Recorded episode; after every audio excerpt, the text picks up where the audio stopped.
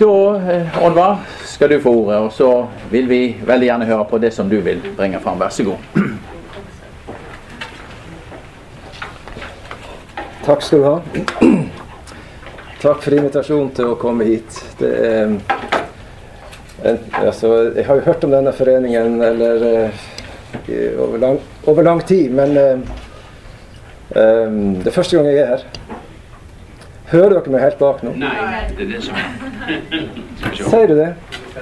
Jeg som, uh, skal jeg synge det? Skal jeg si, kanskje? Hvis du synger, hva? Skal jeg prøve å løfte det litt sånn? Da går det bra? Ja. Takk til Jan for et uh, interessant foredrag. Spennende og um, systematisk og um, opplysende. Masse som jeg er enig i, og så er det noe som jeg tenker for meg blir helt grunnleggende feil.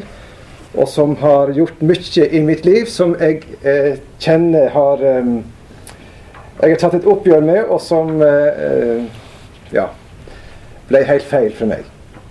Jeg har valgt å, å, å tilnærme meg dette på en mer sånn eh, personlig eh, slags vitnesbyrd om mitt liv i møte med et, nei, et prinsipielt eller åndsdogmatisk musikksyn. For det er det som Jan har Eh, foredratt for oss på en veldig flott måte, syns jeg. Musikk har vært min store interesse og lidenskap ifra jeg var guttunge. jeg vokste opp i ei lita bygd i Troms som heter Rotvika. Det var åtte hus, og folk levde av småbruk og fiske. Vi bodde sammen med mine besteforeldre til jeg begynte i tredje klasse. Kjøkkenet i dette huset var hovedrommet i huset. Her var det lys og varme. Her var det mat. Her foregikk alt som skulle foregå i løpet av dagen, inne på kjøkkenet. Så samtidig inne, så var vi på kjøkkenet. For meg er det tre spesielle forhold ved dette kjøkkenet hos mine besteforeldre som jeg har tenkt mye på i voksen alder. Oppå brødboksen lå det en bibel og ei salmebok. I den andre kroken av kjøkkenet så hang det et garn som bestefaren min satt og bøtte på når han skulle forberede ny sesong, eller i mellomslagene. Og så kanskje det litt mer spesielle. Ved siden av det garnet hang det en gitar. Det var en gitar som faren min hadde kjøpt til mor mi etter eh, en sesong på lofotfiske. Og så fant han ut at han må, kjøpe en gitar til mor mi. I voksen alder har jeg tenkt hvorfor i verden brukte han penger på noe så unyttig som en gitar, når jeg veit at i dette miljøet var det mer enn nok bare med å holde liv i seg og ungene. Det var ikke noe overflod. Selv om vi hadde det vi trengte, så kunne en godt trenge de pengene til noe annet enn å kjøpe en gitar som skulle henge på veggen.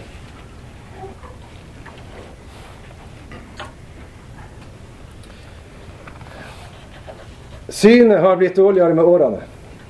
Det ser jeg for flere her.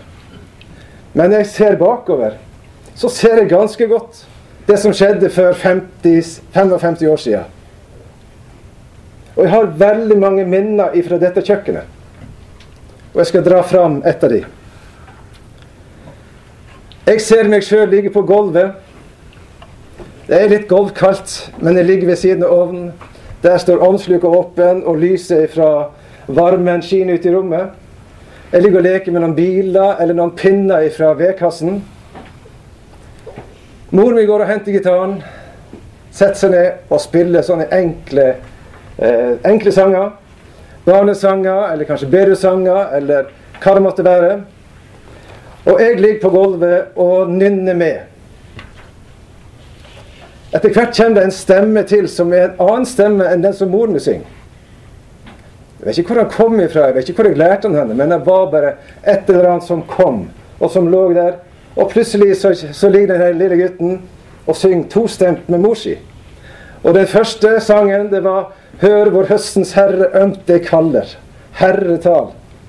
Ja, Gjennom gitaren og sangen i dette kjøkkenrommet, der vi hadde vårt daglige brød, sprer det seg et lys som har en varme, som gir en glede, som gir en trygghet, som gir en nærhet, som gir en omsorg, som jeg fortsatt i dag, et halvt århundre etterpå, kan kjenne i mine følelser som noe verdifullt og godt. Og når jeg nå har fått barnebarn, så synger jeg med dem hele veien. Gå rundt på gulvet, hold dem på, på armen, syng og syng og syng. Dette har vært en stor verdi for meg. Har betydd enormt mye. Gitaren var en viktig investering for meg og for min oppvekst. Ja, den fikk betydning for min identitet.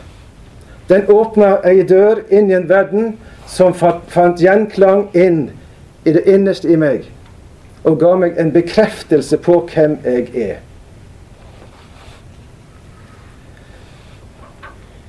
I en krevende hverdag der arbeid var en velsignelse, men kunne være slitsomt og li gi lite igjen, i en hverdag der trua var naturlig til stede gjennom Bibel og bønn, men der kristenlivet var prega av hellig alvor, så ble sangen og musikken den varmen og den gode opplevelsen som på en måte knytta det hele sammen til en god, varm og rik barndomstid.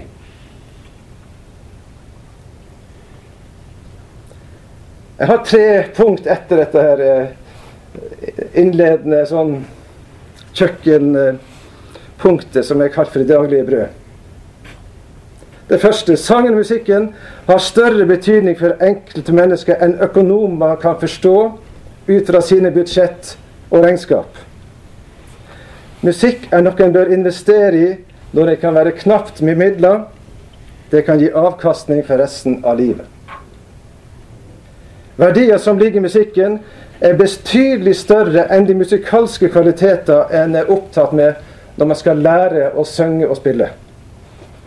Det enkle og folkelige, kall det gjerne banalt og ufullkomment, kan ha kvaliteter som blir borte på veien når kunnskapene og ferdighetene blir større. Min opplevelse fra barndommens musikalske rike kan ingen ta fra meg. Ingen skal få trampe på det eller stemple det. Det har gjort noe med meg som fortsatt er av verdi. Min musikalske reise fortsetter videre på Nordborg, Misjonssambandet sin skole, med trekkspill og gitar. Enkle sanger som nådde inn til sangene og de som hørte på. Opplevelsen av mannskoret på Fjellhaug, som besøkte Nord-Norge i 72, første gang jeg traff Øystein. Når de sto fram og sang 'Fremad Kristi Hermen' Jeg tenker på det, og at Fjellhaug har mista dette mannskoret nå, så er det jo ei skam. Det sitter jo spikra i minnet som den største opplevelsen med hele besøket. Og på vei fra kirka i Salangen opp til Setermoen fikk jeg være med i bussen, for jeg måtte få oppleve dette en gang til. Og da husker Olav Uglem tok mikrofonen i bussen, og så sa han Vi må preike kortere. Det er sangen folket kommer for å høre. Han hadde erfart noe som mange teologer fortsatt har vanskeligheter med å forstå. Året på Fjellhaug fikk avgjørende betydning for meg. Dette var i 72-73. Det fikk betydning for hele min livskurs videre. Det første spørsmålet vi møtte i musikktimen, i den første musikklassen i kjellerrommet nede på gamlebygget, der det nå er hovedkontor, og der det nå er lunsjrom, det var Hva er musikk? Jeg var 17 år, og jeg kjente et hellig alvor av det. Du kommer ikke ut herfra før du har svart på spørsmålet Hva er musikk? Og dette spørsmålet har lider hele veien seinere. Spørsmålet i kveld er litt annerledes. Jeg har aldri, aldri tenkt på det så, på den måten. Men hva er musikk? Det har jeg tenkt mye på. Og Det er et spørsmål som har fulgt eh, historien så langt tilbake som vi vet. Og at vi skal klare å løse det i kveld, det har jeg ikke det som er lagt opp til, men at vi kan tenke rundt det og prøve å, å utfordre våre egne tanker og holdninger til det, tror jeg er ganske viktig. Um, svaret vi fikk Musikk er ånd.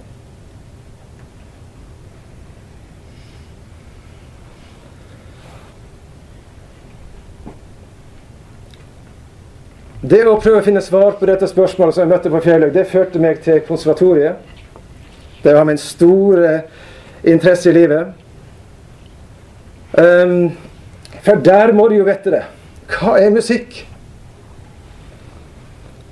Og de som var opptatt av spørsmålet på konservatoriet, de som var litt sånn filosofisk anlagt, interessert i musikkhistorie og filosofi, kanskje litt teologi, det var ikke så mange av de, men de kunne bekrefte det som jeg lærte på Fjellhaug. Musikk er ikke bare lek med toner. Det er noe mer. Det går dypere. Det har en åndelig dimensjon. Ved hjelp av gamle greske tenkere fant jeg noen svar i musikkens elementer. Melodi, harmoni og rytme. I kirkemusikken er melodien det viktigste. Og den er prega av spenning og avspenning. Den skal løfte fram teksten slik at vi stemmes til andakt og får sinnet løfta til Gud. Den europeiske kulturen har vært prega av kristendommen. Og um, opp gjennom historien har det vært vanskelig å skille mellom den verdslige musikken i Europa og den kristne musikken. Bach skrev begge deler, og det er vanskelig å se hva som er hva. Som man ikke ser på teksten. Så var det rytmen. Den stimulerer kroppen. Den vekker kjødet. Setter mennesket i sentrum. Og dersom rytmen blir for dominerende, så mister vi det meditative og evnen til å bli stille for Gud. Harmoniene setter følelsene i sving. Og Jeg husker kritikken av Billy Grahams den store kampanje. Når han brukte hemnorgelet og satte på Leslien eller den vibratoen. Og de sang just som jeg er, og skapte denne suggesjonen da, som skulle få folk til å komme. Det var farlige greier. Den kunne bli manipulert. Og den følelsen jeg fikk den ene kvelden, kunne være vekke neste dag.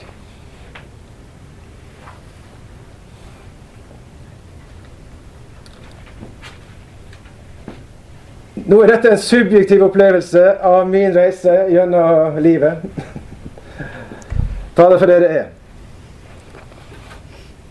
Men jeg ønsker å være et uh, vitne på hva slags um, Hva et um, åndsdogmatisk musikksyn kan føre til av um, kanskje uheldige ting i ens liv som lever av og i musikken og som skal prøve, å følge de prinsippene.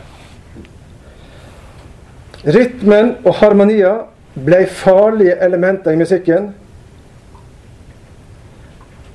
Ved å bruke de kunne jeg eh, dyrke skapningen framfor skaperen. Musikken ble vanskelig. Noe måtte være forsiktig med, sånn at det ikke ble misbruk.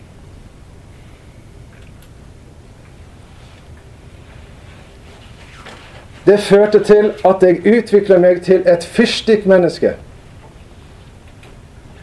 De var ikke så ulike det som står på tavla.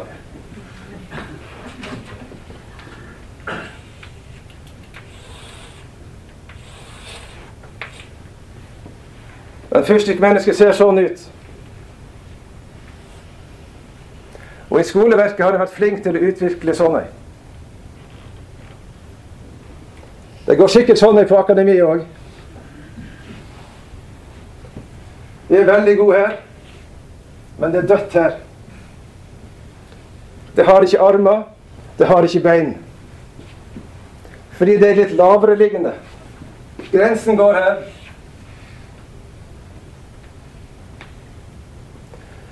Og jeg reiste rundt og spilte gitar og sang. Og jeg klimpra jo på gitaren. Men jeg måtte være så stillferdig at det ikke forstyrra for melodien og for det som kom herifra. Og jeg sto selvfølgelig helt stille. Og åpna jeg munnen, så var det ikke mer enn at jeg klarte å bevege ut og få ut ordene.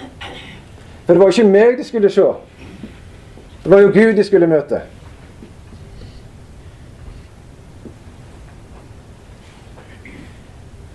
Det største ankepunkt mot det synet er rett og slett at man tar vekk det menneskelige og gjør oss til ånd. Dette har med menneskesyn å gjøre, det har med Guds bilde å gjøre. For meg ble det veldig vanskelig.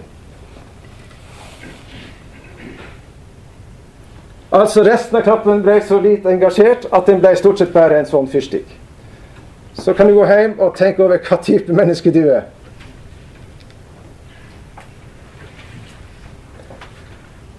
En eh, postulat som vi hørte i, eh, på 70-tallet, og som fortsatt står i Skriften, trua kommer av forkynnelsen.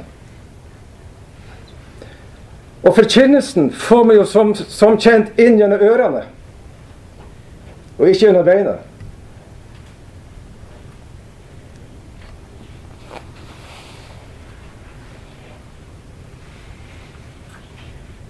Det høres jo veldig logisk ut.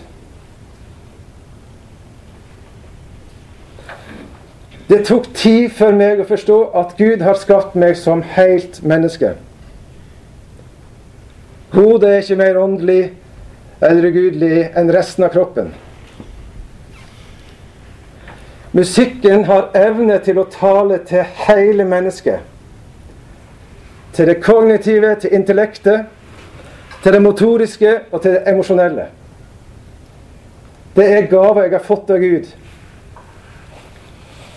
Noen mennesker er sterke på det auditive. De kan sitte og høre det som blir sagt, og de fotograferer det, og de avlegger eksamen, og det går veldig bra. Noen er sterke på det visuelle og tar det inn den veien.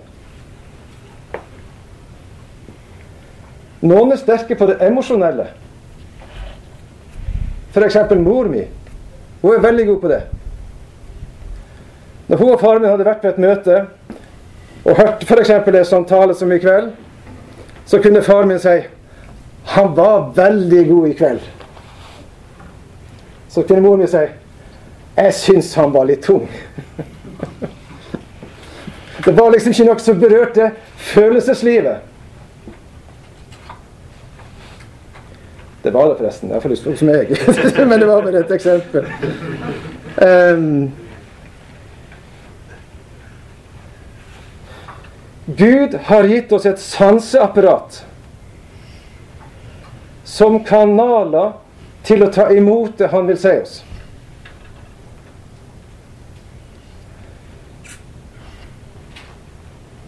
Og når vi i nattverden får smake Hans legeme og blod, så bruker han smakssansen. Og så er det ikke så ofte vi i vår sammenheng bruker, bruker røyken. Men vi kjenner jo de som bruker den. Så luktesansen kan gi oss en fornemmelse av nærvær av det hellige. Kanskje kan forkynnelsen også komme inn under beina.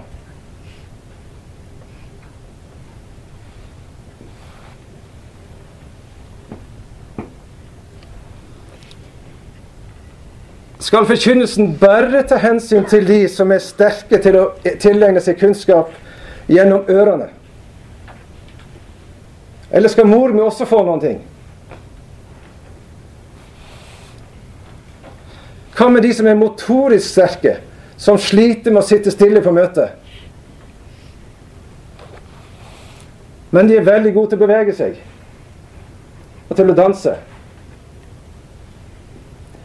Nei, de kan jo gå ut, for vi har ikke plass for sånne her. Det musikksynet som jeg ble presentert for i ungdommen, og som fascinerte og begeistra meg Jeg har vært mer konservativ enn de fleste i dette rommet. det musikksynet oppleves så logisk, så åndelig. Men det fornekter at musikk er et kroppsspråk. Det er ikke bare en intellektuell eller åndelig opplevelse.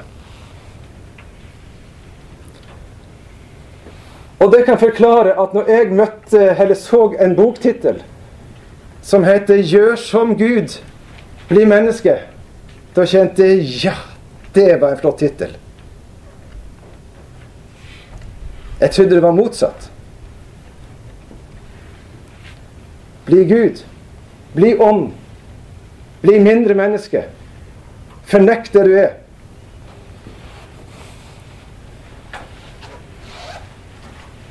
Men Gud har vedkjent oss som sanne hele mennesker. Han har skapt oss slik at vi skal få utfølge oss med det vi har av evne og talent, til glede for andre og til ære for Gud. Musikken er en gave. Den kristne sangen kan åpne luke inn i mitt liv. Den åpner luke inn i himmelen og til de som jeg er sammen med. Den kan på en sterk måte være en del av forkynnelsen. Og jeg kjøper ikke den veldige skarpe skillet mellom den loddrette og den uh, horisontale linja her. Det blir veldig kunstig. Det setter strek over all bedehuskristendom i dette landet. Over all, alt organisasjonsliv og det meste av det som lever i den vestlige verden, og sikkert i eh, andre, andre, andre sider òg. Det må gå an å stå i dette rommet og ha sinnet vendt mot Gud og ha kontakt oppover, samtidig som du når tak i andre mennesker med det Gud vil formidle dem. For meg blir det noe annet veldig kunstig. Men jeg syns det er en flott illustrasjon. um,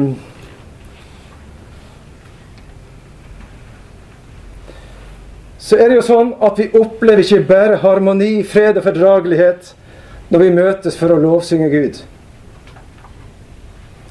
Ofte er musikken kime til frustrasjon og konflikt. Jeg husker en som sukka og sa hvis musikken i himmelen skal bli sånn som det her, da vet jeg ikke om jeg vil være der.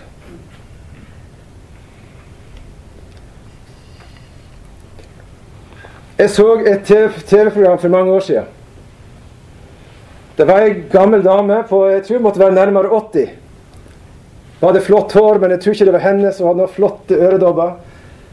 Hun uh, kjente Elvis Presley, gikk i samme menighet som han. Og så sa hun at pastoren i den menigheten brukte å si den kristne sangen skal være bibelsk fundert og Kristus-sentrert. Oi! Dette var et program om Ellis Presley, og så kom da de her eh, damene inn. Det var flott, tenkte jeg. Det, det, det, skal jeg huske. Det må jeg prøve å få med meg. Bibelsk fundert, Kristus-sentrert. Og like etterpå så satte hun seg til pianoet og spilte en heftig gospel sammen med andre 80-åringen ved siden av, eh, som sang i stor begeistring en sang som var deres uttrykk.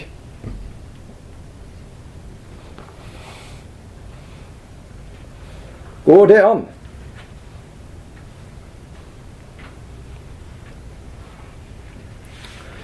Min erfaring er at musikk som jeg ikke kjenner, eller ikke liker, har jeg aktiv motstand mot. Når jeg første gang hørte Hennes Messias som 17-åring på Fjellhaug, eller eh, Matteus-personen Bach, så tenkte jeg tar det aldri slutt? Skal det vare så mange timer?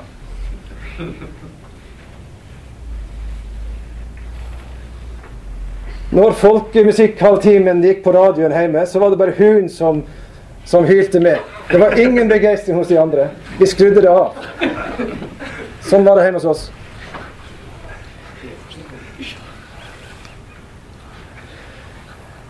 Når det gjaldt Matteus' person og hennes Messias, Jeg hadde ikke evne til å oppleve storheten i det verket.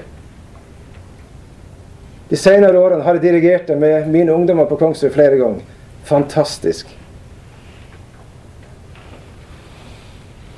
Jeg mangla kodefortrolighet til å fatte hva som rørte seg i den musikken. Det var jo bare et eneste rot. Det var likt alt sammen.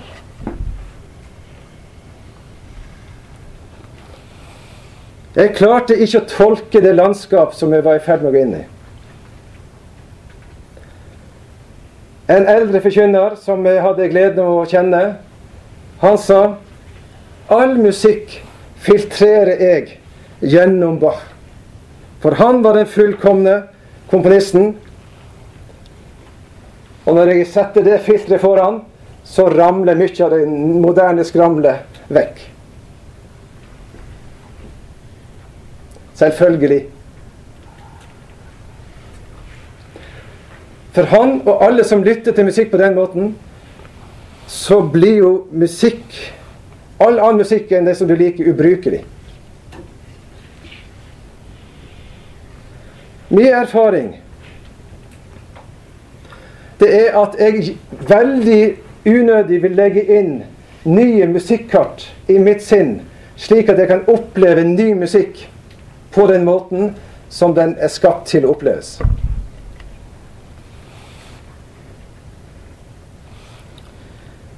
Det blir som å kjøre på ferie i Sverige med kart over Norge. Du finner ikke fram.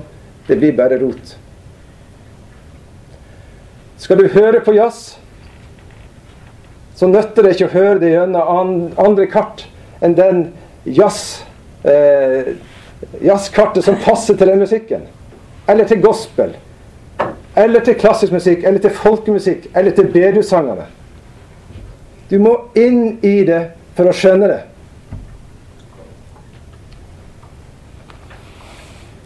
Ulike kulturer har ulike musikkuttrykk. Det tror jeg var meninga fra skaperens side.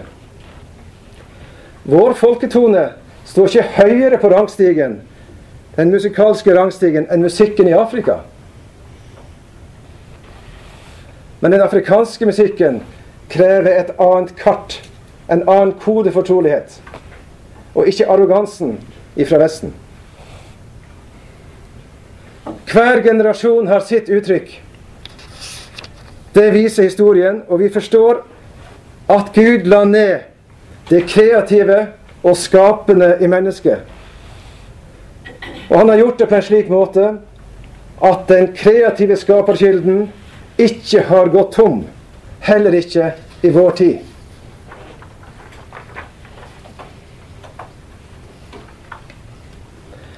Vi opplever musikk forskjellig. Jeg opplever den forskjellig alt etter tid, sted og situasjon. Den samme musikken.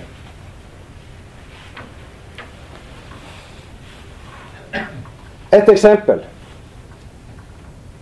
Den første gangen jeg hadde en stor opplevelse av et klassisk verk, var i Fredrikstad en, en adventssøndag i 72. Jeg var ute og sang på Seierstein misjonshus. Eh, skulle spise middag hos en eh, familie som var på møte. Sammen med Olav Uglem, jeg og Vegard Svendsen. De hadde en svart-hvitt TV. Til min store forskrekkelse så hadde jeg vørterøl til middagen. Det hadde jeg aldri sett på bordet hjemme. Og det var jo grunnsynden nummer én. Men nok om det. Det fikk nå være deres sak, tenkte jeg. Så slo de på TV-en, og der kom det et, en fiolinkonsert. Beethovens fiolinkonsert. I pausen før møtet. Den hadde jeg hørt en gang på Fjelløy. Jeg hadde vært på konsert i Aulaen i Oslo og hørt den med en levende fiolinist live. Men det ga meg ikke annet enn at det, ok, det var en sånn intellektuell øvelse. Det var greit. Jeg har hørt det. Jeg begynner å skjønne at det er Beethoven. Men så kommer det TV-programmet, og helt uforberedt ble jeg bare sugd inn i den musikken. Det var altså sånn skjellsettende. Da skjønte jeg at klassisk musikk, det er også noe for meg. Helt fantastisk.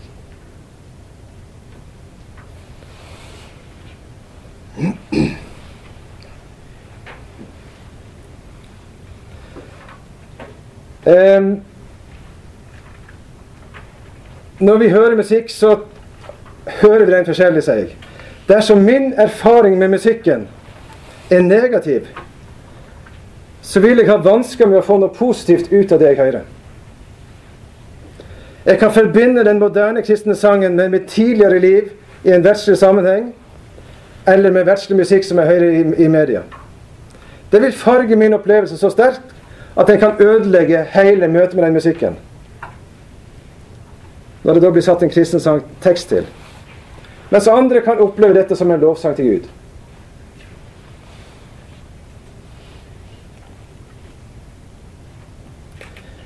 Dersom det er musikk, og dette er min eh, påstand Dersom det er musikk du ikke kan like eller utstå, så er det en utfordring å gjøre noe med det.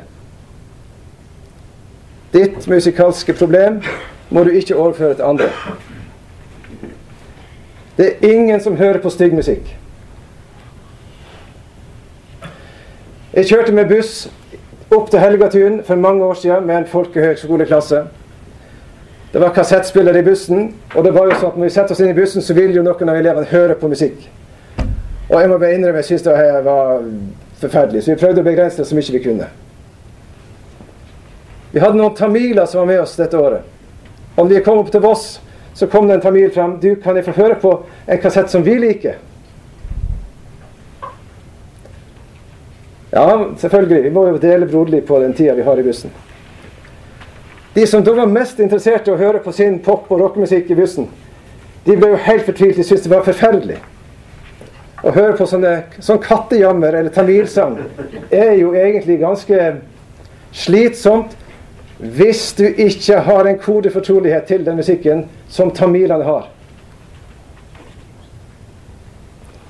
For de heller hører ikke på stygg musikk, men de hører gjerne på sin. Her tror jeg vi har trøtt feil mange ganger.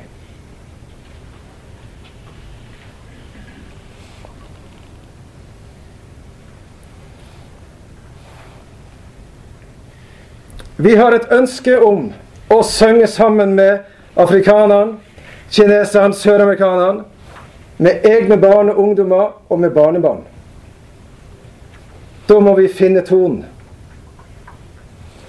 som synges i de ulike kulturer, og lete fram kartet som kan vise vei i ukjent terreng. Og så kan vi velge å sette smilende og høre på. Erkjenne at dette syns jeg ikke noe særlig om. Men jeg ønsker å gi rom for mangfold og variasjon. Kritiske kommentarer som preges av manglende forståelse for nye musikalske former, har opp gjennom tidene ført til at ungdommen har blitt kasta ut med badevannet. For nei til musikalske uttrykk er også nei til mennesker som har sin identitet i den musikken. Jeg har lov til å mislike musikk jeg ikke liker. Jeg har lov til å være å høre på eller ta del i den musikken jeg ikke kan tåle. Jeg har lov til å velge en annen forsamling der formen er mer lik den formen jeg føler meg hjemme i. Når musikken oppleves åndelig nedbrytende, må jeg bryte med det miljøet. Men jeg kan ikke gjøre min musikalske utfordring til andres problem. Min opplevelse er farga av mine erfaringer, mine, min kulturelle bakgrunn, min tenkning rundt musikk, min opplæring. Persepsjon eller tolkning av sanseinntrykk gjør at jeg har min opplevelse, du har din. Det er en utfordring å arbeide med det som er annerledes enn det jeg liker. Det tar tid å få lagt inn det kartet som kan kode den musikken jeg i utgangspunktet ikke har forhold til. For meg var det mange år, fra jeg var 17 til jeg var 40, der dette var en prosess jeg gikk i. Og det å skifte syn, eller oppleve musikk på en annen måte, det er et slags paradigmeskifte som gjør at du tror at du er helt på glid, og du detter rett ned, og du har ikke fotfeste i det hele tatt. For alt du trodde var sant og riktig, det blir feil. Og for meg er det klart at møtet med ungdommens musikk på Kongshaug har jo ført til at jeg har måttet endre tenkningen rundt musikken min og musikksynet mitt.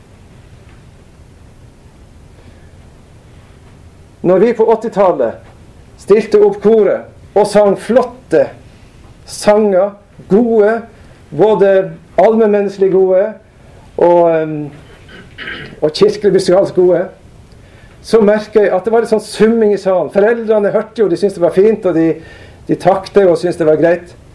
Men det ga de ingenting. Det lå liksom det flaut oppi der. Og så kom minikoret fram, som jeg ikke var noe særlig begeistra for, og som jeg gjerne gikk ut når de skulle synge. For det var litt sånn bassgitar og slagverk og, og det her poppen, da, som vi kaller det.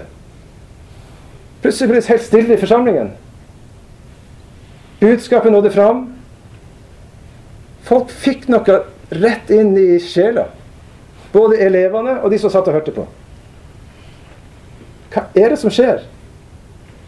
Men det verste var jo at det som jeg tidligere ikke kunne like, begynte plutselig Det var ikke så verst, det, men jeg kunne ikke si det til noen, for det var da måtte jeg jo på akkord med alt jeg hadde ment tidligere.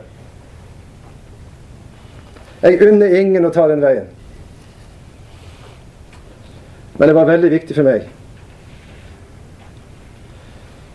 For utfordringen til oss som er voksne, er størst. Det må skje noe med oss. Og da må det være noe med tenkningen rundt det. Og da tror jeg det er noe her som vi må eh, få på plass. Og så er det noe der som vi må få litt Litt arm og bein. Og litt følelse. Det skader ikke. Snarere er det med på å gjøre oss til hele mennesker.